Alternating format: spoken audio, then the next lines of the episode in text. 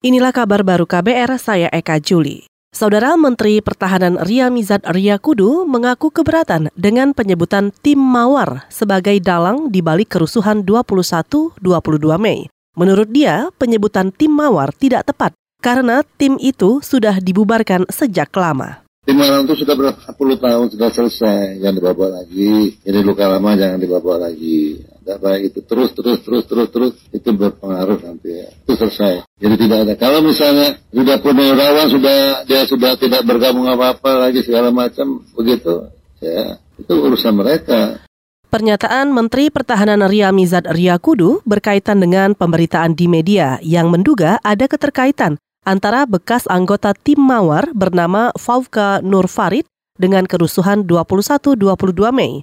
Faufka adalah anggota tim Mawar Kopassus yang sempat terbukti bersalah karena menculik aktivis pada 1997-1998.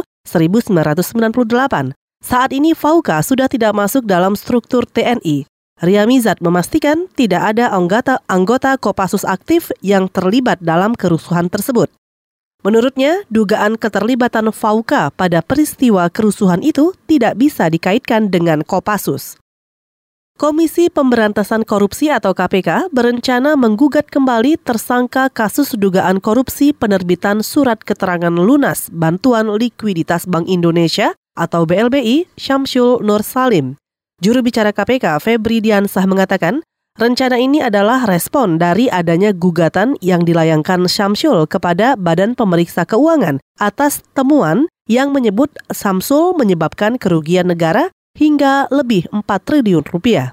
Juru bicara KPK Febri Diansah mengatakan, gugatan yang dilayangkan Syamsul Nur Salim tidak kuat dan mengganggu proses hukum yang sedang berjalan ke KPK dalam menangani kasus tersebut. Kami melihat dan memandang argumentasi yang disampaikan oleh pihak yang mengaku sebagai pengacara eh, SJN dan ITN ini uh, itu tidak ada yang baru.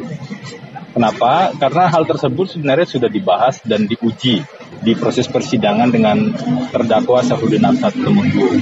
Sudah terjawab di proses persidangan pidana uh, di Pengadilan Tipikor Jakarta Pusat. Juru bicara KPK Febri Diansah menilai gugatan Syamsul sebenarnya sudah dibahas ketika KPK menangani kasus korupsi BLBI. BPK menghitung kerugian keuangan negara dalam kasus ini mencapai lebih dari 4 triliun rupiah. Diduga Syamsul menjadi pihak yang diperkaya dalam kasus ini. Saudara, kerusuhan ketika aksi unjuk rasa menolak rancangan undang-undang ekstradisi disebut sebagai yang terburuk dalam sejarah huru-hara politik Hong Kong. Analis politik Dixon Singh mengatakan, kekerasan yang terjadi dalam unjuk rasa menolak rancangan undang-undang ekstradisi pada Rabu adalah eskalasi konflik yang belum pernah terjadi sebelumnya. Singh mengatakan, aksi unjuk rasa menolak rancangan undang-undang ekstradisi mencerminkan adanya kesenjangan yang tinggi dalam kepercayaan masyarakat Hong Kong terhadap pemerintah. Sebelumnya, aksi unjuk rasa menolak rancangan undang-undang ekstradisi berujung ricuh. Aparat menembakkan gas air mata dan peluru karet untuk membubarkan pengunjuk rasa yang mencoba menyerbu parlemen dan memblokir sejumlah jalan di pusat bisnis kota. Saudara demikian kabar baru, saya Eka Juli.